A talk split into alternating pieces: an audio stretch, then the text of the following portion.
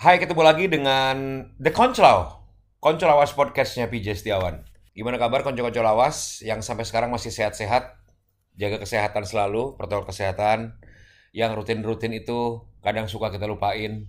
Detailnya, urutannya, dan lain sebagainya. Tahu sendiri kan, sampai dengan hari ini, di Indonesia aja lebih dari 200 ribu udah terinfeksi positif COVID-19 dengan data-data lainnya gue nggak harus bacain ya karena lu juga udah belenger pasti dari kapan hari kita nonton setiap hari uh, di TV dengan juru bicara siapa tuh yang Pak Tua kemudian diganti dengan dokter yang cantik yang muda itu. Tapi tetap aja apa pun yang di deliver uh, siapa pun yang mendeliver infonya ketika yang diobrolin tentang COVID orang tuh udah malas untuk mencerna. Orang udah capek untuk mendengarkan. Karena banyak dari segi-segi kehidupan yang kita alami sehari-hari, segi sosial, segi ekonomi terutama, uh, menjadi tidak menyenangkan. Orang pergi susah. Orang mau having fun nongkrong di cafe seperti dulu tidak bisa. Ada pembatasan jam malam. Uh, contohnya di Surabaya seperti itu di Jakarta juga tidak semua tempat hiburan buka dan sebagainya dan sebagainya. Banyak dari uh, kita juga yang belakangan ini terdampak secara pekerjaan ada yang menjadi tidak bekerja, ada yang work from home, ada yang bergaji penuh, ada yang tidak bergaji penuh, ada yang kehilangan pekerjaan dan sebagainya dan sebagainya. Jadi secara garis besar sih ya COVID-19 ini di tahun 20, oke. Okay, COVID-19 yang ditemukan di tahun 2019, uh, di tahun 2020 ini tahu-tahu kita sudah di akhir September aja ya kan? Ini kan udah hampir akhir September dan gini-gini aja tahu-tahu tahun baru aja lagi. Oke, jadi benar-benar uh, dampaknya sih gila ya. Uh, gua nggak mau ngomongin tentang hal-hal yang bisa mempengaruhi kamu dan membuat kamu menjadi tidak semangat menghadapi hidup. Uh, that's not the law really meant to be ya. Gua mau ngobrolin hal-hal yang lain dari uh, COVID-19 ini yang di tahun 2020 banyak meruntuhkan uh, bayangan-bayangan, bisnis plan, semua rencana-rencana pengembangan, rencana-rencana liburan, rencana-rencana yang baik-baik untuk beribadah. Ada yang mau ke umroh, ada yang mau ke Yerusalem, ada yang mau ini, mau itu, dan segala macam. All gone. Well, tahun ini itulah yang terjadi dan kamu gak sendirian. Semua orang di dunia mengalami hal yang sama ya gak sih? Terus kalau setiap hari, sebelum kita nanti ngobrol tentang anggota keluarga, ini minggu lalu gua lumayan rada-rada, kita sekeluarga sih lumayan rada-rada tercengang dan terkenyut. Karena adik bungsuku yang sekarang tinggal di Jakarta, itu positif COVID. Dia adalah Panji Aditya alias Adit. Dia adalah adik bungsu gue, bedanya 17 tahun sama gue. Jadi gue umur 47, dia umur 30 tahun. Dia baru menikah 3 tahunan. Dan uh, dia punya anak yang lucu banget, umur dua setengah tahun namanya adalah si Prisya. Gue manggilnya si Kriwil. Kalau lu lihat Instagram gue, lu bisa lihat uh, kunjungan gue bersama bokap nyokap ke Jakarta. Kira-kira uh, tiga minggu yang lalu ya. Jadi di awal bulan September, uh, lu bisa lihat foto-fotonya di situ ada. Dan ini membuat kita down sih terus terang uh, karena COVID-19 ini kan polemiknya juga panjang kali lebar kali tinggi nih.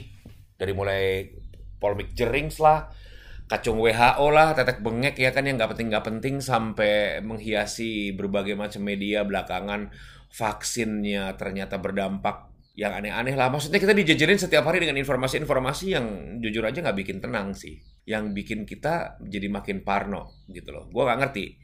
Uh, kapan ya bisa rumah musik kembali dibuka tempat hiburan umum agar lagu-lagu, agar musik-musik bisa menghibur kita dan juga membuat imun kita lebih tinggi karena kita nggak stres.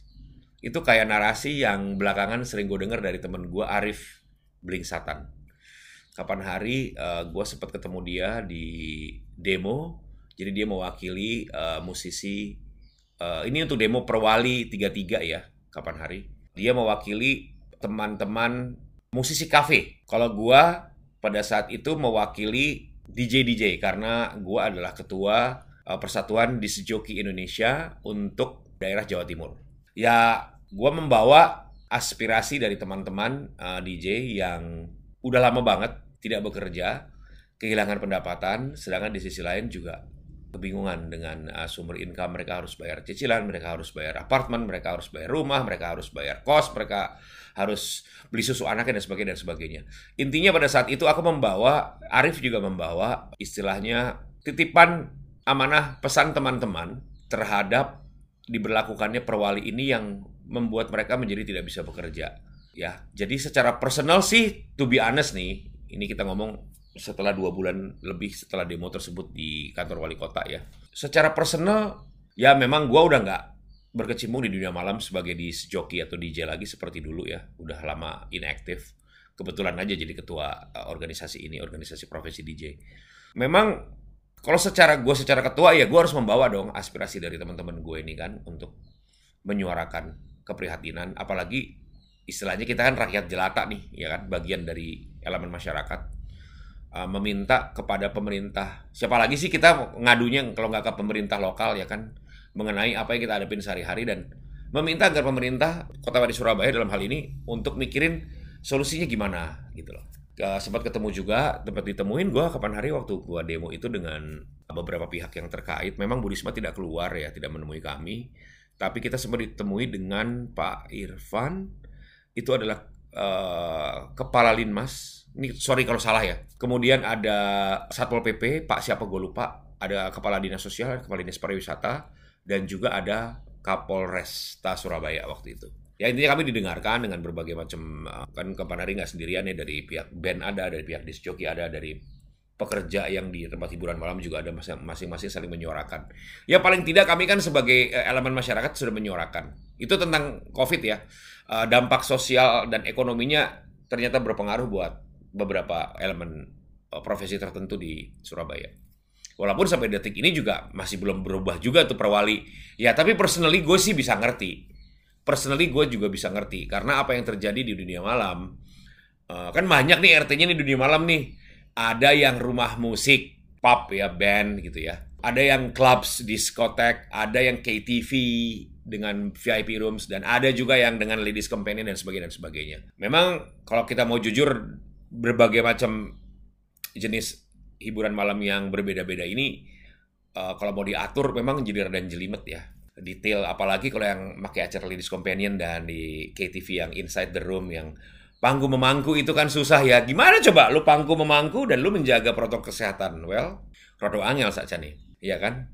Sedikit susah tuh be. Memang kalau secara teori ya nggak apa-apa kan kita harus juga harus makan iya. Tapi ketika sudah ada alkohol dan ruangan tertutup dengan sirkulasi udara yang itu-itu aja walaupun disaring oleh teknologi apa pun sekarang air conditioner, eh, inverter, uh, filter, bla bla bla segala macam. Tapi virus ini kan juga masih misteri juga banyak dari kita yang tidak mengetahui buktinya dokter-dokter juga yang meninggal banyak banget gara-gara virus ini kan yang tenaga medis profesional yang mereka sudah bertahun-tahun sekolah untuk beginian, mereka juga banyak yang guguran di lapangan karena COVID-19. Jadi intinya sih COVID-19 emang nggak bisa diremehin. Intinya sih begitu gitu loh. Ya memang si Jering sih masih beruntung aja dia di penjara bersama dengan orang banyak, tapi dia masih belum tertular juga ya. Mungkin ya dia orang yang sangat benar-benar laki. Eh, speaking of Jering, gue bukannya anti Jering no. Actually, menurut gue apa yang disampaikan Jerings itu ya gue nggak selalu setuju sih. Cuman kadang-kadang gue ya oke. Okay. Beberapa ya gue nggak bilang semua. Tapi kalau sampai dia harus dipenjara segala macam mungkin ini sebit too far. Masa sih iya sih ngomong begitu. Cuman emang kata-katanya lumayan harsh ya. Ya gitulah kalau memang ada alkohol yang ditenggak sambil uh, ketika dia live on air segala macam. Jadi rare-rare rempong ya kata-kata yang keluar kadang-kadang narasi-narasi yang diciptakan juga menjadi lebih harsh dari biasanya. Anyway, kita kembali lagi tentang uh, gimana kalau ada anggota keluarga kita yang kena COVID-19? Gua akan menyambungkan uh, telepon dengan adik kandung gua, Panji Tri Aditya atau Adit, yang tadi gue bilang. Umur 30 tahun, baru punya anak dua setengah tahun yang lucu banget namanya Prisha, dan baru married 3 tahunan dengan istrinya bernama Leni. Halo. Kok lepas gitu sih? Gimana kabarmu? Baik-baik aja, gue banyak tidur nih, pusing gue. Banyak tidur. Oke, posisi lu di sekarang di mana sih? Sekarang di uh, Wisma Atlet sih di kamar gua sekarang. Wisma Atlet uh, tower berapa? Tower 7. Oke, uh, itu bangunan berapa tower sih yang ada di situ Wisma Atlet? Kalau nggak salah sih memang cuma tujuh tower ya, kalau nggak salah ya. Gue juga nggak nyari lebih uh, lanjut ya. Cuma memang uh, kayaknya intinya sih pasien corona tuh memang lagi banyak banget. Jadi uh, ada tower mode tower 4 kalau nggak salah itu difungsikan sebagai uh, penampungan sementara di sini. Cuma memang mm-hmm. uh, tower-tower itu beberapa, beberapa yang beda fungsinya. Kalau nggak salah tower 4 itu adalah tower yang buat benar-benar tanpa gejala. Jadi okay. kalau gue kan ada kalau gue kan ada gejala ringan ya kayak uh, flu gitulah ya, flu mm. terus uh, linu-linu nggak bisa uh, nyium bau, nggak bisa ngerasain gitu-gitu. Itu dikategorikannya sebagai uh, gejala ringan. Anyway, oh. yang perlu gue tanya dari lu sebenarnya kronologis ya. Dari awal tuh kayak gimana? Kronologis ya, itu kalau nggak salah sekitar minggu lalu. Minggu lalu hmm. hari uh, Kamis kalau nggak salah, gue kan biasa lah ya, gue kan um, kan di pekerjaan gue yang sales ini kan, jadi memang uh, justru di kala-kala ini kita memang pressure lebih tinggi. Terus, Dan itu akhirnya gue ngerasa, ya gue ya kayak normal gejala flu aja gimana sih, kayak uh, pilek. Yes, gue, gue memang kurang tidur banget sih, jadi kayak gue baru tidur jam 10 terus uh, bangun kayak dalam konteks nggak bisa nggak bisa tidur gitu jadi uh, saking banyaknya kerjaan dan gue memang tipikalnya anak-anak overthinking gitu kan. Jadi kadang-kadang jam dua kebangun terus kayak ah, ngapain? gitu kan. Nggak bisa tidur lagi terus berhasil merebentar terus jam empat sudah bangun lagi. Gitu gitulah berasa flu ya gue cuekin aja. Terus biasa lah gue kan kalau dingin dia minum minum koktail gitu kan. Paracetamol campur aktifat karena hmm. itu gue paling paling manjur banget ya. Karena kayak ya, biasanya ya, uh ya kita kan alkoholnya lebih banyak dibandingkan bir kan jadi ini adalah one of the loopholes buat lo minum alkohol uh, loopholes buat minum alkohol dengan cara minum Activate oke okay. hmm. uh, gue gak pernah mikir dari sudut pandang itu loh nah, actually di, di US ada semacam ya ini part, part of uh, opiates pandemiknya mereka ya tapi ada yang disebut uh, cough syrup wasted ya kayak gini cough syrup wasted ya yeah. people always look some fucking freaky way to get wasted right Iya iya iya dan juga selain alkoholnya memang lumayan tinggi meskipun ya di ya, jadi pertimbangan bir lah ya. Uh. Kan juga ada kayak semacam obat anti histamin dan anti ya pokoknya yang bikin lo tidur ada fly gitu kan. Iya. Jadi itu memang menyenangkan memang obat-obatan itu dan cuma jangan um, uh, dulu minum sumber aktivitas saja ya. Gue pernah belanja ke Indomaret habis minum aktifnya dan gue kayak uh... super blow on gitu jadinya. Oke, okay, balik lagi tentang proses uh, setelah lu tadi kurang tidur dan badan gak fit. Itu hmm. sebenarnya lu hmm. kalau diurut-urut, lu kenanya di mana sih? Gue merasa gejala itu, satu gue gue habis begadang, kedua memang gue habis belanja memang. Lu berbelanja apa ke supermarket kah? Supermarket yes. Oke, karena supermarket itu ya melting pot orang dari berbagai macam RT dan RW sih ya. Kadang Betul. juga kecamatan beda, mereka pada belanja di tempat yang sama.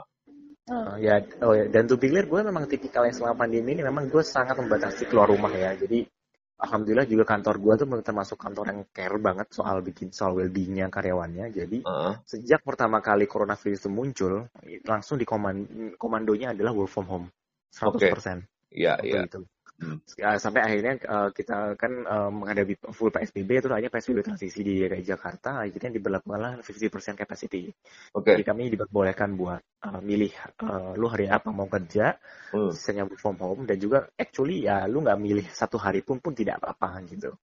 Asalkan oh, okay. uh, kerja lo kelar of course gitu kan. Okay. Jadi, uh, jadi gue sih sangat confident bahwa gue tidak dapat ini di kantor karena it's been a while since I let's go to office anyway. Hmm. Oke, jadi kantor coret ya kan. Lu juga hmm. di sisi lain ngerasa aktivitas lu yang interact dengan orang juga minim, tapi lu kena juga. Iya. Yeah.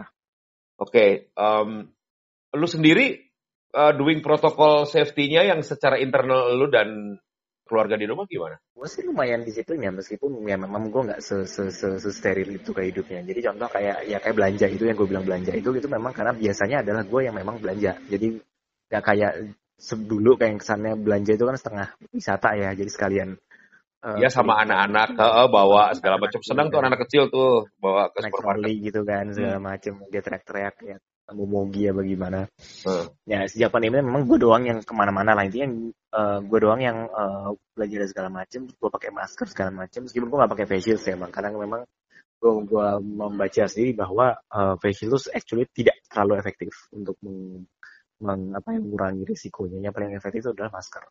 Dan juga gue nggak pakai masker ecek-ecek ala itu ya masker scuba yang belakangan baru ketahuan. Jadi ketahuan bahwa itu ternyata uh, masker nggak fungsional ya kan? Nggak fungsional sama sekali itu lebih kayak fashion item aja gitu kan. Jadi gue emang udah dari awal udah pakai masker medis.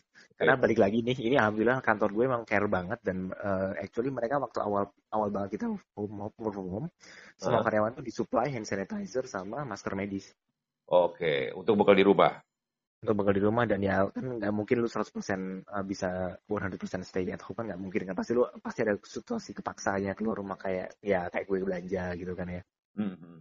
juga habis habis habis habis belanja tuh gue ya mandi juga gitu mandi bersih bersih segala macam Baru pegang anak segala macam ya. baru pegangan segala macam lah. Jadi gue memang men- mencoba mematuhi protokol itu se sebaik mungkin. Cuma meskipun namanya namanya kan gue udah jorok lah ya. Jadi pulang itu kadang gue langsung mandi gitu gitu gue nggak nggak akan pegang anak sam- sampai gue memang mandi dan juga bini gue bawel banget jadi ya harusnya sih eh, nggak gue nggak gue nggak nggak mungkin lah pegang anak sebelum gue mandi atau minimum minimum cuci tangan cuma pasti mandi sih gue Terus eh, lu sejarahnya gimana tuh? Maksudnya oke lah flu ya. Semua orang di Indonesia negara tropis kayak gue juga dikit-dikit pilek, dikit-dikit pilek ya. Itu adalah eh, segojangannya kita everyday life ya kan. Uang Indonesia pilek itu ya ngono. Nah, Betul. tapi apa yang membuat lu mau swab test? Apa sih yang trigger lu? Karena waktu itu setelah gue minum koktail si uh, paracetamol dan Activate itu setelah beberapa hari memang jadi uh, oh ya jadi awal tuh gejalanya ada yang mengganggu banget tuh adalah demam. Gue Ya. dan gue kepala gue pusingnya luar biasa Oke. sama uh, badan gue linu cuma linunya agak lebay gitu. Dan biasanya gue kayak gini tuh emang la- lari pagi atau sore buat buat kayak bikin badan seger biasanya. Cuma uh, waktu gue pulang lari terakhir itu kok malah justru gue feeling crappy gitu justru kayak, kayak Lama berasa gak karu-karuan rasanya. Oke. Hmm, something wrong mungkin ya gitu ya. Cuma yang benar-benar oke gue harus swab itu itu adalah ketika gue Senin pagi itu gue nggak bisa nyium apa pun. Jadi di sini agak beda sih karena kan memang ketika lu flu, flu atau pilek lah ya, flu, Mhm. kan eh, hidung lu ketutupan diri segala macam. Jadi memang hidup nggak penciuman lu Gak berkurang. berfungsi ya, apa berkurang Tapi- ya. Ah, berkurang. Tapi ini ini beda aja gitu. Ini kayak 100% 99% gone gitu loh. Juga dengan bersama dengan dengan penciuman, gak perasa juga hilang. Jadi gue tuh nggak bisa merasakan apa pun kecuali yang rasanya ekstrim. Jadi gue bisa cuma ngerasain garam, Heeh. bau cabe karena karena ya pedes itu kan bukan rasa ya pedes itu kan dari iritasi ya jadi itu masih Oh. berasa cuma rasa lainnya gue nggak bisa nyobain sama sekali Oke, dari situ tuh udah alarm tuh. Wah, ini something wrong with me gitu ya. ya dan akhirnya Sen- senin sore itu gue kan senin sore kan gue cari-cari dulu kan info-info mana rumah sakit mana yang bisa swab di deket gue kan? Ternyata ketahuan lah sebuah rumah sakit di kawasan Mangga Besar. Jadi Oke. nggak cuma happy doang ya di Mangga Besar ada rumah sakit juga yang bisa swab. Oke, Mabes dan kota lagi pada nggak buka masalahnya. Jadi sekarang betul. uh, lu ke rumah sakit buka di daerah Mangga Besar. Uh, terus? jadi gue swab sore-sore ambil malam gitu kan. Jadi eh, memang Lu nangis bombay katanya ya?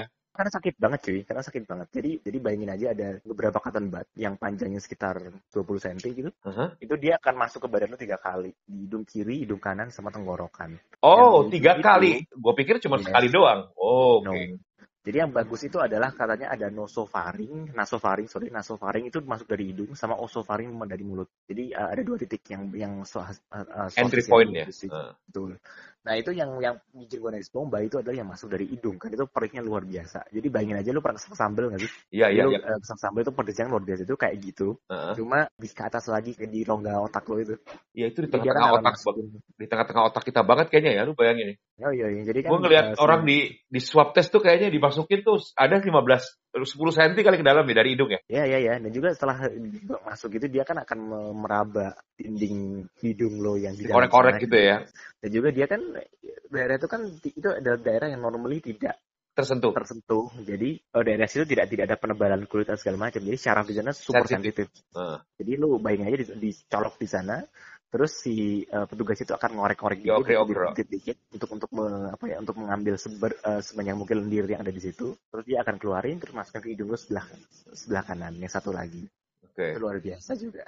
Kalau yang tenggorokan ya, lu berasanya kayak kayak apa sih kayak mau muntah aja ya, ya gag reflex aja lah ya. Kayak di Cuma lu sokro, nggak- uh, di sokro aja. Itu itu memang nggak nyaman juga, tapi nggak separah yang dari hidung. berlinang air mata lo ya. Di air mata banget tuh.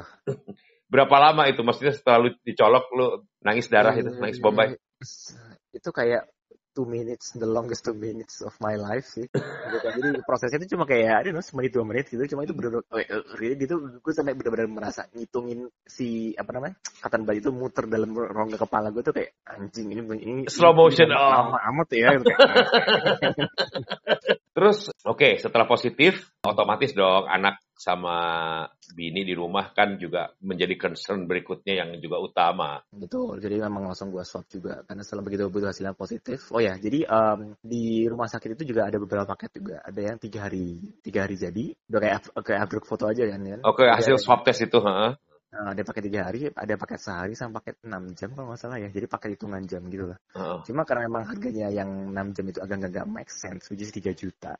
3 juta. uh, jadi uh, price price tiringnya gini. Jadi uh, yang 6 jam itu kalau nggak salah kalau nggak salah 3 juta. uh. Yang sehari itu adalah 1,7. Oke, half yang the tiga price. hari yang tiga hari itu 1,4. Oh, beda tiga ratus ribu Nah, ya. jadi the, the most the make sense uh, price point kan yang 1,7 lah ya. Oke. Jadi gue pilihlah yang itu dan begitu gue uh, swabnya sore, sore sampai malam jam setengah tujuh gitu. Uh. Um, besoknya jam sekitar jam 12 keluar hasilnya, jadi cepet juga sih, nggak, nggak nyampe 24 jam. Iya, Dan- itu yang lu ngabarin di grup keluarga bahwa hasil gua positif. Gua Hasil lagi gua mau tidur siang tuh coy, ya kan? Begitu gua baca, ah what the fuck? Ada apa ini? Hmm. Eh, mengagetkan sih buat kita semua karena ya COVID ini kan tahu sendiri kayak gimana hype-nya ya. Ya ya ya, ya. Dan juga kan ya, you, you can really knows gitu kan. Lu nggak lu nggak bisa tahu gitu. Uh, lu tuh bakal masuk yang golongan yang mana nih? Yang OTG kah, yang gejala ringan kah, atau yang the dead ones gitu. Iya memang. Cuman ya deep down inside pada saat itu gue denger sih gue yakin bahwa ya lu masih 30 tahun dan so far sih Iya, iya. alhamdulillah nggak lu nggak ada penyakit-penyakit bawaan yang aneh-aneh. Iya, ya iya, gue sih sih- yakin dalam satu dua minggu ke depan juga lu akan baik dan semoga seperti itu insya Allah. Amin. Oke sekarang eh, lu ceritain dong. Jadi lu udah berapa hari ini masuk di Wisma Atlet? Ribet nggak masuk? Eh, sebentar. Jadi waktu jadi begitu gue positif itu yang gue lakukan adalah dua hal. Pertama gue gue juga nge-swapin keluarga gue. Kedua adalah gue juga melapor ke puskesmas terdekat. Puskesmas sesuai domisili ya. Ya. Jadi ya ya gue nggak nggak ngomong kawasan lah ya. Gue gue kan tinggal di daerah Jakarta Pusat, DKI Jakarta. Jadi gue ke puskesmas terdekat di, yang menaungi domisili gue. Jadi sorry bukan terdekat ya, cuma puskesmas yang menaungi domisili lo. Ya Jadi- vaskes lu lah ya kan vaskes daerah situ. Oke. dan itu yang sedikit bikin gue rada dongkol itu adalah ketika kan gue datang ya sore-sore gitu kan Hmm. ke puskesmas. Mereka kayak eh ya mungkin mungkin gue mungkin ini adalah over over ekspektasi ya bagaimana karena gue kebiasaannya datang ke rumah sakit ya. Lu biasanya ke rumah sakit swasta yang menyenangkan Rumah swasta yang menyenangkan dan juga di cover sama insurance dan ya dari kantor ya kan? Hah. dari kantor. Jadi kan ya gue nggak gue nggak tahu di situ cuma kayaknya kayaknya kan memang eh, tenaga medis itu lebih ramah sama orang yang tidak pakai BPJS ya. Nggak tahu Eh, ini ya itu di semua rumah sakit seperti itu sih itu biar. Ini klaim yang tidak tidak tidak berdasarkan bukti empiris ya, cuma gue that impression aja gitu. Oke. So anyway, jadi uh, ke- di di di itu gue ada perlu apa pak gitu kan dengan uh, mereka lagi ngobrol gitu kan. Hah. Uh, saya habis swab dan saya positif gitu. Gue ngomong apa adanya aja, jadi Hah. gue gue nggak akan su- sugarcoat ada nggak akan. Uh, Hah, straight to the point aja, cerot gitu ya. Satu poin aja, gue gue gue kena corona, gue harus kudu ngapain gitu kan Heeh. terus dia mereka kayak dia kayak eh, memandang gue kayak satu dua detik itu agak menjauh terus gue gue nggak lang gue nggak langsung di gue nggak- yang gue nggak jadi gue nggak ketemu dokter eh, sore itu tapi gue dikasih nomor wa jadi gue disuruh wa eh, ke sebuah nomor gitu. Jadi kayak semacam iklan. Jadi tapi dalam hati gue juga agak kesal juga gitu kayak eh, eh, hello lu kan tenaga kesehatan gitu. This is- Ah, what next? Gitu loh. this comes this comes with your job gitu loh. Jadi gue gue emang gue tahu gue sakit yang agak menular gitu kan. Heeh. cuma gue ngomong pun gue nggak terlalu dekat gitu Dan gue pakai masker medis juga yang yang yang biasa gue pakai itu Heeh. dan mereka kayak lihat gue kayak lihat sama masyarakat gitu loh Itu ya, lucu. understand, understand, un- understandable sih ini penyakitnya menular. Jadi Ya, nggak- nggak usah Lu juga kalau di- lu pertama kali gua tahu lu positif dan lu mau meluk gua juga gua gamparin lu paling. hey, don't touch me. Get I mean, get the mereka- fuck away from me. Iya, cuma mereka kan medical personal gitu. Harusnya kan mereka kan ya ini harusnya part of their job juga gitu ya. Cuma ya gue tahu lah ya mungkin. Eh by the way, tadi sorry gue tarik ke belakang. Lu kan bil, lu kan punya insurance dari kantor segala macam yang cover COVID kan sebenarnya. Mhm. Why did you use it? eh jadi eh, untuk eh, pandemi ini, jadi ya of course gue nanya lah ya. Jadi pas gue swab juga di uh, nge-swab anak istri gue. Oh ya, gue gue nge-swabnya di rumah sakit yang berbeda karena belakangan gue baru googling dan ternyata ada rumah sakit lebih dekat. Dan juga gue nanya ke dokternya, "Eh, dok, ini saya kan, ya saya memang belum ke puskesmas sih. Cuma eh, apakah ada dokter yang bisa examine saya gitu loh? Apakah eh, ada ya dok? eh, apakah saya saya diperiksa nggak sih gitu loh? kayak orang-orang kan kayaknya yang kesan gue gue mendapat impression bahwa oh lu udah corona ya udah gitu. Lo harus isolasi mandiri. Cuma kayak nggak ada extra steps taken gitu loh buat memastikan gue tuh masuk golongan yang mana gitu. Meskipun gue ngerasanya cuma gejala, kena gejala ringan. Cuma kan yang namanya dalam dalam dalaman jeroan kan siapa yang tahu kan ya. Iya iya. Itu karena itu sebenarnya gue nanya itu. Cuma uh, mereka kalau kalau menurut dia itu ya gue kelihatan sehat. Dan juga untuk, untuk sepertinya untuk coronavirus ini mm -hmm. ya you can judge a book by its cover sepertinya Hmm. Dan juga memang gue mention bahwa gue memang punya oximeter. Jadi memang uh, begitu begitu gue merasa enak badan kemarin kan gue gue lapor sama bos gue kayak bos gue gak enak badannya gue gue rehat dulu ya. Oh, Oke. Okay. By the way lu jangan lu, lu beli oximeter deh. Hmm. cek uh, put cek kadar saturasi oksigen lo karena okay. jadi nggak selamanya hipoksia itu diiringi dengan megap-megap, diiringi dengan lemas segala macam itu nggak nggak selalu ternyata. Jadi ada yang namanya happy hipoksia. Jadi happy hipoksia. Lu nggak ngerasain apa pun tapi it's a fun name bro fun name, fun name, fun name actually, but but but it's not fun at all actually. Jadi uh, lu nggak ngerasain apa, tapi sebenarnya darah lo tuh nggak bisa mengikat oksigen dengan baik dan akhirnya lu tuh kekurangan oksigen sebenarnya. Masih bisa masih bisa mati lemas juga ya. Mati lemas juga meskipun lu nggak nggak berasa gitu. Hmm. Lu nggak merasakan kelemasan itu nggak kayak uh, beberapa orang gitu. Okay. Ya, emang gue uh, punya oximeter dan juga uh, constantly itu di atas 95%. Jadi untuk saturasi oksigen itu uh, healthy level itu selalu di atas 95%. Meskipun yang top, of absolutely healthy itu selalu di 99 sih. Berapa? 99. 99. Oh, oke. Okay. 99%. Jadi uh, tapi uh, gue 90 97, 98 99 jadi gue nggak nggak concern lah ya meskipun itu nggak di bawah 99 cuma kan masih dalam very normal range jadi gue gue nggak nggak nggak nggak nggak itu nggak nggak terlalu concern di situ gitu karena gue rutin lah untuk cek oximeter itu itu murah kalau di Tokopedia Hmm. Gue cek itu sekitar ya sehari tiga kali, empat kali lah ya. Karena kan itu, itu gampang banget. Jadi uh, kalau lo inget jawab nama, terus ada sesuatu kayak jepitan jemuran yang dijepitin ke jadi lo itu ternyata oximeter. Jadi itu itu yang mengukur si kadar saturasi oksigen sama sekaligus memonitor detak jantung juga. Oke, okay, terus uh, anyway tadi uh, nyonya sama anak kan negatif ya udah di swab ya? Ya, tentang mereka negatif. Meskipun ada, tapi mereka juga tetap nggak boleh uh, pulang ke rumah mertua ya. Karena kan uh, awalnya apalagi high risk ya high risk. Jadi jadi uh, mungkin ada kemungkinan memang uh, exposure-nya masih terlalu dekat sama gue. Jadi mungkin mereka belum muncul aja gitu. Jadi mereka tetap diobservasi juga. Hmm. Apakah ada muncul gejala apa gimana? Cuma so far sih nggak muncul gejala ya. Karena gue masih lompat-lompat aja tadi nggak nggak nggak batuk nggak even nggak ada nggak batuk satu hubungan tuh nggak nggak ada nggak pilek nggak peler nggak sama sekali nggak ada jadi mereka benar-benar bebas gejala sih karena karena memang begitu gue nggak enak badan juga gue bisa ranjang juga sih jadi gue okay, bisa kamar terpisah dan pakai masker di dalam rumah segala macam lah Oke. Okay. Begitu lu lu kan hidup serumah nih sama anak bini. Begitu lu positif, lu memisahkan diri dong. Lu stay in a different room, right? Ya, ya, ya. Actually sebelum sebelum sebelum positif pun gue juga melakukan hal itu. Pokoknya begitu gue udah merasa gak enak badan, gue langsung memisahkan diri aja. Sekarang berarti proses dari dari rumah sakit dibilang kok nggak kelihatan gejala, dari rumah sakit swasta juga tidak ada examen lebih lanjut, tetap di refer ke puskesmas untuk uh, pelaporan dan tindakan selanjutnya. Berapa lama sih setelah lu lapor sampai akhirnya lu dapat tempat di Wisma Atlet? Nah, jadi jadi rumah sakit itu akhirnya um, dalam kutip menolak gue karena berdasarkan protokol yang ditentukan oleh pemerintah, rumah sakit itu reserve untuk menangani mereka-mereka kasusnya ada sedang heavy, yang ada yang simptomatik. Yang simptomatiknya lebih parah dari gue lah, yang mereka uh. harus ventilator, harus harus di masuk ICU dan segala macam lah. Itu pokoknya okay. all the horror story itu ditangani oleh rumah sakit. Okay. Nah, untuk mereka yang OTG atau gejala ringan kayak gue itu biasanya di refer ke rumah puskesmas masing-masing domisili jadi nggak masuk rumah nggak nggak jadi tanggung jawabnya bukan di rumah sakit. Oh, okay. Meskipun ya mereka kan kode etik kedokteran kan mereka harus merawat ya, cuma mereka tidak boleh intinya. Hmm. Kalau kalau menurut saya dari dokter yang gue temuin pas swab test sih seperti itu ya. Karena sudah ada jalur sendiri, oke, okay, buat yang ringan dan OTG ke puskesmas nanti biar tindakan berikutnya yaitu di wisma atlet. Tapi kalau ketika kalau gue ditanya apa gue sakit hati sama protokol itu ya enggak juga sih karena itu juga beberapa dengar juga orang-orang yang dapat covid itu dari rumah sakit. Oh tertularnya? Tertularnya itu dari rumah sakit. Jadi uh, ya kan ketika lo ke rumah sakit kan berarti kan lo sudah punya semacam background illness gitu ya selain covid gitu kan. Hmm. Dan juga sialnya kan orang-orang yang rutin ke rumah sakit itu adalah orang-orang yang sudah punya komorbid yang lumayan berat kayak penyakit jantung di mana mereka harus kontrol tiap bulan. Yang high risk gitu ya. Hmm, mereka terus ada yang ada yang harus dialisis, harus cuci darah tiap ada yang seminggu sekali gitu kan. Jadi memang beberapa beberapa yang uh, kena COVID yang gue tahu dan actually fatal itu adalah mereka yang punya komorbid dan depan di rumah sakit. Hmm, ya, justru. ya. Jadi ya ketika gue tanya apakah gue sebel sama protokol itu ya enggak juga. Itu- It's there for a reason gitu. Dan juga ya ya lo tau lah kita kita bukan negara yang kayak Selandia Baru atau Skandinavia gitu yang Hmm. apa ya yang tanggap menghadapi pandemi ini kan kita kan agak-agak telat juga yang yang yang sok-sok yang justru bapak-bapak di atas sana justru bercanda lah terus nyaranin makan rawon lah ada yang bikin kalung corona lah terus yang bercanda eh, apa Cor- coronavirus tuh nggak nggak bisa masuk kan izinnya ribet hahaha Karena izinnya ribet.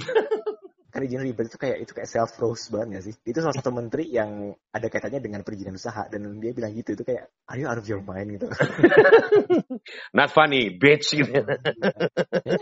Kalau kondisi di Wisma Atlet sendiri menurut lu proper nggak? White proper. Oh ya, gue belum jawab pertanyaan yang tadi ya. Jadi uh, ini begitu setelah gue lapor dari ke puskesmas itu, terus uh, dia nanyakan, oh uh, tinggal tinggal di rumah sama siapa? Gue Hmm. jawab ya, gue gak mau di sini. Gue selalu, selalu gue selalu sangat terbuka sih uh, ketika gue Iya emang harus gitu sih. tenaga medis apa pun. Jadi gue tidak tidak gue tidak menyembunyikan apa pun dan gue tidak suka disembunyikan apa pun. Jadi Hmm. kayak ketika, ketika ada ya ada beberapa tipe dokter yang su- sugar coating sebuah kondisi ya gue nggak suka sih. So anyway, jadi uh, setelah dia tanya, oh oke ada anak istri, terus mereka udah swab apa belum pak? Oh sudah, um, swabnya mandiri. Oh gitu.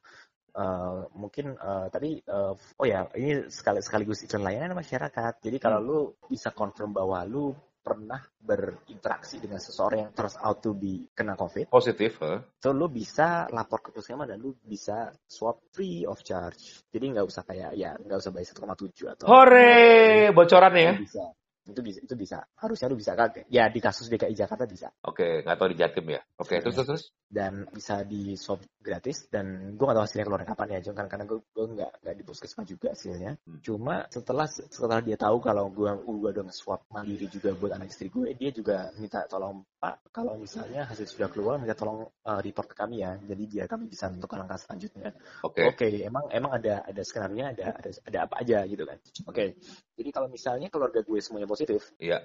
itu ada karena ada karena ada dua kemungkinan. Gue akan diisolir di rumah semuanya. Jadi kayak isolasi mandiri cuma keluarga gitu kan. Meskipun eh, hal ini terupanya nggak nggak nggak nggak mungkin nggak kejadian juga karena rupanya pemerintah DKI itu sudah melarang isolasi mandiri di rumah Hmm. karena banyak klaster keluarga Oke, tidak terkontrol jadinya malah ya. tidak tidak terkontrol jadi isolasi mandiri di rumah itu di- di- dicoba dihapuskan karena itulah banyak eh, banyak tawar bu- dibuka di Wisma Atlet terus Hmm. eh, beberapa hotel yang dialih fungsikan menjadi eh, makeshift Tempat isolasi mandiri di Jakarta ya. betul nah itu kalau eh, ternyata eh, semua keluarga positif tapi kalau ternyata keluarga gue negatif cuma gue doang diangkut nanti ke Wisma Atlet cuma setelah gue nyampe di sini ya banyak kok keluarga yang kena jadi eh, mereka kan Pasti karena ya setiap hari kita makan dengan alat dari meja makan yang sama, bersentuhan dengan objek yang sama, pasti keluarga satu rumah itu adalah yang paling potensial menurut gua kena.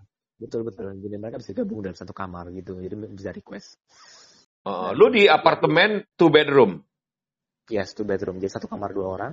Heeh. Uh, di sini uh, ada satu orang juga uh, di sebelah gue. Jadi jadi uh, kayak dipisahkan tembok gitu kami. Cuma memang kebetulan beliau itu seorang tunarungu ya. Jadi gue agak kesusahan juga uh, berkomunikasi dengan beliau. Oh, itu koordinasi. Oke, oke. Hmm. Terus uh, makanan disediakan, obat disediakan. Makanya disediakan obat disediakan. Jadi kayak nasi kotakan gitu. Jadi tiga ya standar lah ya pagi, pa- makan pagi siang malam. Heeh. Uh, makanan pagi itu kayak di jam 7 makan siang itu sekitar jam 12 terus kalau makan malam itu sekitar jam 7 malam juga lah Oke. itu si, eh, sifatnya lu eh, dari jadi kayak di tiap lantai itu satu lantai itu sekitar 60 orang Oke. 60 orang itu dan uh, PIC-nya itu ada sekitar dua suster gitu dua sampai tiga suster mereka shiftan ya cuma yang Heeh. sering kelihatan itu dua orang Per floor ada dua orang. Ya, Itu yang kamu tahu ya. Oke. yes itu yang gue tahu jadi jadi dua orang itu akan menghandle 60 orang Hmm. kurang ideal sih memang jadi itu menurut gue sih mereka masih- yang di sini masih over capacity sama under under personal juga Under personnel. cuma ya ini kan juga ya tanpa pandemi pun kan memang kita adalah sebenarnya kita adalah negara yang darurat dokter sebenarnya kan Betul, rasionya tidak sesuai dengan jumlah Rasio penduduk sangat- kita. rasio sangat tidak sesuai dan masalahnya penyebarannya sangat tidak rata. Terus em, lu sendiri sekarang eh, dalam kondisi yang baik, nggak demam kan? Enggak, enggak. Jadi semua semua gejala itu masih Pokoknya semua gejala yang di hari pertama itu yang gue demam linus itu udah hilang semua. Jadi yang gejala yang masih ada itu tinggal batuk pilek yang sekali sekali doang, Mhm. Eh, sama dahak, sama gue masih bisa belum belum nyium, masih belum bisa nyium sama sekali. Belum bisa nyium bau. Oke, rasa lidah untuk makanan? Slightly better than yesterday sih, cuma gue nggak tahu deh ini bener apa nggak. Ya semoga kondisi cepat bagus lah. Uh, swab test berikutnya kapan kira-kira? Nah, uh, lama ternyata. Jadi gue ternyata gue akan lama di sini. Jadi uh, gue masuk tuh kan kemarin, kemarin subuh gitu kan. Uh, gue swab test itu tanggal 3 Oktober mm -hmm. Dijadwalkannya. Jadi masih seminggu lagi. oh, schedule 3 Oktober. Oke. Okay. Semoga deh uh, hasilnya bagus. Gue, gue baru beberapa hari gue udah mati jaya jadi. Oh, jadi uh, aktivitas lu sekarang ngapain? Ada jadwal kah di sana rundown yang dikasih? Eh, kita harus berjemur, eh, kita harus senam, ada nggak? Uh, gue sih ngerasa enggak ya. Cuma uh, jadi uh, yang gue bilang tadi yang ada dua subster itu dengan 60 orang itu, uh-huh. itu kan ada di sebuah ruangan, ada ruangan lah, kayak ruangan poli itu. Uh-huh. Tempat mereka beroperasi itu. Jadi tiap tiap pagi sama tiap sore atau tiap siang itu um, kita disuruh ke sana buat tensi atau EKG atau uh, hal-hal lainnya. Jadi tergantung. Jadi mereka ada punya schedule sendiri yang kita tidak tahu. Oh, oke. Okay. Uh, site seperti apa? Cuma dia, dia kita akan dimasukin grup WA gitu. Dia dia akan mengabsen untuk nama-nama yang di bawah ini bla bla bla bla bla. Mohon datang segera ke poli untuk ya either uh, tensi, uh-huh. ada juga EKG, hmm. ada juga yang swab, ada juga yang coba. Jadi ada monitoring schedule yang sebenarnya ditentukan, tapi lu nggak ngerti patternnya seperti apa karena mereka yang uh, melakukan pemanggilan. Kita panggil, kita panggil okay. aja berdasarkan nama gitu. Ya udah, semoga cepat sembuh deh. Tanggal 3, 3 Oktober kelar swab test tuh kabarin gua hasilnya kayak gimana. Oke. Okay. Ya, cepat sembuh ya. Oke. Okay. Yaudah, uh, yaudah thank you Adit ya. Yo bye. Yo, bye.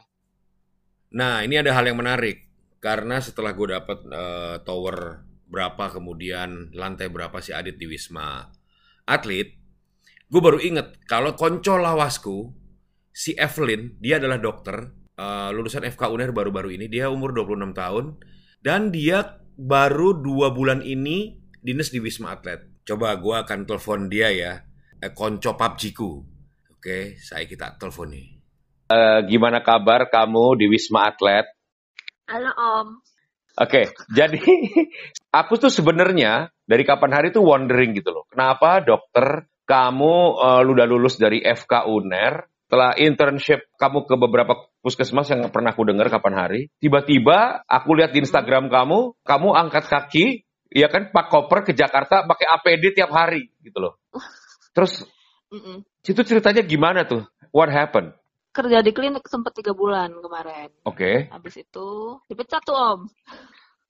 Habis itu aku sempat kerja di klinik. Jadi yang eh sebut aja klinik X mm, itu yang okay. diperpanjang. Pokoknya yang yang tidak bawa mobil, nggak ngurangin jatah parkir. Hmm. Terus habis itu uh, sempat nganggur kan tuh udah naruh sih lamaran-lamaran ke rumah sakit. Mm. Terus abis itu 10 harian lah ya nganggur hmm. itu naro-naro lamaran. Hmm. Abis itu hari Jumat tuh ini grup relawan kan udah masuk kan, terus ditawarin. Hmm. Yang mau ikut gelombang ini boleh masuk ke grup ini gitu. Nah tuh baru masuk ke grupnya Om hari Jumat. Oke. Okay. Terus abis itu udah langsung besok interview. Nah Sabtu interview Om, langsung mm -hmm. ditanya besok besok bisa nggak oh ya udah bisa gitu aja. Bisa langsung berangkat, oke. Okay. Mm-mm. Sama kan kalau di rumah itu rumah sama oma aku kan om. Abis itu kan Surabaya juga sama kayak gini kan, ramai juga kan covidnya. Yang menjadi pertanyaan adalah Evelyn, um, kenapa kok kamu mau, kenapa gue perkoro gitu loh? Kenapa harus kamu menjadi relawan di tempat penyakit yang sekarang lagi bikin geger se Indonesia Raya dan semesta raya ini gitu loh. Nah itu itu awal sempat galau juga om, tapi udah nanya-nanya dari lama kan. Memang di sini pasiennya kan satu mandiri-mandiri kan. Kita kan pasien yeah. pasien memang untuk isolasi mandiri, pasien ringan, okay. pasien ringan-ringan gitu. Atau yang berat-berat kita memang ada tempatnya tapi kan nggak banyak. Iya. Yeah. Nah kalau rumah sakit kan memang yang berat-berat tuh. Jadi untuk tindakannya tuh pasti lebih invasif. Mm -hmm. Terus yang kedua, yang kedua itu yang aku tahu sih Om, hmm. untuk APD sih memang tempat-tempat lain udah mulai lengkap juga kan, tapi uh, untuk di sini tuh bagus Om, dekontaminasinya tuh kayak abis jaga kita tuh disemprot disinfektan gitu loh. Cuman kan itu baru kamu tahu ketika kamu sudah nyemplung di sana gitu loh. Uh, Sebel bener juga. Iya kan? Sebelum kamu berangkat, ya kan? Yang yang gue tanyain adalah what makes you, what triggers you untuk Budalai. Selain jobless. Uh-uh. Aku dengar-dengar karena kamu juga pacarless yeah. gitu loh at that time. Ada om waktu itu, tapi tuh mulai nggak jelas om. Jadi mulai kayak nggak jelas, tinggal hmm. aja nih maksudnya. Ya udah kerja aja aku lah gitu loh. Hmm. Alah wes. Jadi karena jomblo, desperate. Hmm, itu juga. Uh-uh. Ya, uh, udahlah kerja aja lah. gitu. Ah, kejaim kamu ngomong gitu susah banget. Iya, iya. Itu om, abis itu ya udah makanya aku kayak apa sih ini? Nggak jelas nih. Punya hmm. pacar itu nggak jelas kan om? Ah wes ya wes lah berangkat berangkat gitu. Tinggal aja ya toh. Gitu ah bulat kamu tak tinggal loh tak ngurusi covid aja ya toh. Uh -uh. uh. iya abis ya gitu. Kirain kan nggak nggak ngambil kerjaan yang terlalu beresiko soalnya kan mau ketemu dia kan om. Aduh ternyata dia sibuk kayak apa kayak ya udah aku kerja aja lah om oh gitu sebagai pelarian gak jelas lah intinya mulai nggak jelas oh iya iya iya Eh anyway, ini ini mengganggu nih, karena aku juga seorang bapak ya, anakku juga uh, dokter gigi. Pasti juga Terus? kalau anakku mau berangkat ke sebuah tempat yang di mana isinya adalah tempat pasien-pasien COVID, mungkin gua nggak akan kasih gitu. Papa mama kamu iya. gimana? Nah, apalagi aku anak cewek satu om. Nah, piye gitu. Jadi gini, kayak yang aku bilang kan aku dadakan banget tuh om. Ya, jadi Sabtu itu kan interview interviewnya tuh om jam 8 malam. Nah tuh emang dadakan banget waktu itu kurang orang banget. Mm -hmm. Terus habis itu minggu berangkat. Aku beli tiket tuh om jam 1 pagi. Nah aku tuh jaga klinik om sampai jam 10 malam. Oke. Okay. Jadi interviewnya di tengah-tengah jaga klinik. Oke. Okay. Nah terus abis itu uh, abis jaga klinik sampai rumah tuh masih jam 11-an om. Bingung-bingung okay. nyari tiket. Hmm. Ngijinnya tuh setelah beli tiket. Habis beli tiket om. Terus bilang apa papa mama kamu? Hah? Bilang apa Habis kamu? Habis tiket tuh bilang, aku ini nih dipanggil uh, keterima kerja di Jakarta. Hah? Kerja apaan? Ini jadi relawan, jadi relawan gitu. Hah? Udah gila ya gitu. Udah gila ya? Kapan berangkat? Besok siang jam 11. Terus? Terus? Gak bisa dibatalin. Gak bisa dibatalin apa? Gak bisa kok, kan udah terlanjur kayak gitu. Gak bisa dibatalin karena udah apa? Terus? Udah takdir. udah terlanjur terima alasan doang sih om oh iya iya terus, terus ya itu nggak bisa nolak kan hmm. karena waktu itu lagi pada nginep di rumah tanteku kan okay. jadi aku besoknya tuh jam 9 pagi main ke rumah tante tuh ngizin pamit lah ya mm -hmm. itu tuh mukanya mukanya pada ngambek-ngambek gitu om eh tahu-tahu pergi tahu-tahu pergi tapi kamu kekeh ya maksudnya walaupun kamu tahu orang tua tidak begitu approve dengan kepergian kamu, tapi kamu tetap berangkat. Hmm. Abis kalau di rumah terus Om mau ngapain? Gitu ya, berikan berangkat aja, ya, Sama... mumpung masih muda. Mm-mm, mumpung masih muda. Lagian kan aku nggak bertahan Om di rumah. Kalau di rumah terus daripada kebelet nongkrong terus kan. Oh, oke. Okay. Mendingan produktif ya. juga. Siap, siap. Mm, kalau ini kan sama. Bekerja. Eh, by the way, terima kasih ya. Uh, semalam kamu sudah sampai merubah shift uh, dan lokasi jaga kamu ke tower dan lantai tempat adikku si Adit dirawat di Wisma Atlet. Oh iya, ganteng omatnya om. Hah? Ganteng ya? Iya. Eh, gue juga dulu waktu, waktu muda ganteng. Ha. Udah tua aja gue begini wajar lah. gue tuh kurusan mudaan juga ganteng. Sayang dia udah laku tuh. Kalau enggak gue jodohin deh sama adik gue. Oh iya, pengen nanya dong sedikit tentang Wisma Atlet nih. Gue yakin yang dengerin The Konselau Podcast juga pengen tahu. Sebenarnya seberapa loaded sih Wisma Atlet itu? Uh, jadi di sini kan kayak yang tadi aku bilang Om, pasiennya tuh rata-rata mandiri. Oke. Okay. Terus rata-rata yang memang bisa untuk ngambil obat sendiri karena kan memang tempat karantina kan. Ya. Pasien kita kan banyak Om, 4000, 4000 lebih. Jadi kan memang kita Gak bisa om kalau misalnya harus observasi seintensif di rumah sakit lain. Jadi kita terima yang pasien ringan-ringan yang memang isolasi gitu kan. Oke, jadi itu berapa tower di situ? Ya. Tujuh tower dipakai semua? Ini itu empat tower yang kita pakai sekarang. Tower empat wow. sama lima, mhm. empat ribu lebih. Tower empat sama lima itu sekarang buat OTG. Tower enam sama tujuh buat yang lain yang ada grup. Oh iya kayak si Adit kan tower tujuh karena dia ada ada gejala ringan ya, dia kehilangan hmm penciuman sama perasa ya lidah. Oke. Okay. Uh -uh. Terus orang eh, orang-orang yang OTG ataupun dengan gejala ringan seperti si Adit itu dikasih obat apa sih? Yang di yang kita pakai tuh antivirus, antivirus sama okay. Antibiotik om sama vitamin. Kebetulan juga ada sebenarnya kemarin itu uh, iparnya adik gua juga ada yang dirawat itu beberapa orang karena COVID yang rumahnya juga deket sama si Adit. Tapi mereka sekarang udah keluar.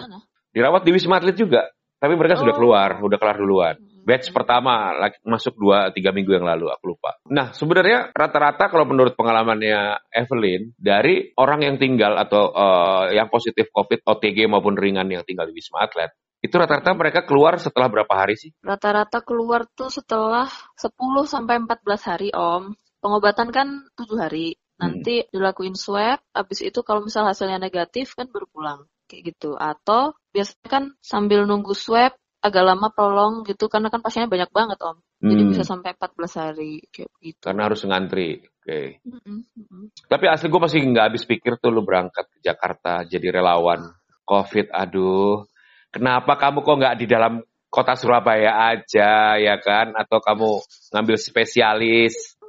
Kapan ngambil spesialis by the way? Kayaknya mau yang tahun depan deh Om yang Februari, tapi nggak tahu masih. Lihat juga ini situasi COVID. Oke, rencana mau ngambil spesialis apa? Mau nggak tahu, anestesi kayaknya. Anestesi. Oke, good luck. Selalu jaga kesehatan. Evelyn, makasih banget udah ngobrol buat The Conclaw Podcast. Jaga mm, jaga fisik selalu ya. Dan uh, kabar-kabarin dan kapan sempet kita PUBG bareng kita main, oke? Okay? Oke, okay, thank you Fred ya. Uh, uh, yuk, okay. bye, thank you. Bye. Ya Udin, sementara gitu dulu kali ya. Episode kali ini untuk The Koncelau Podcast by PJ Setiawan. Oke, Koncelawasku, kita akan bertemu lagi. Episode berikut kita masih akan ngomongin tentang hal yang COVID related, tapi kita akan ngomong hal-hal yang lebih fun. Sampai jumpa.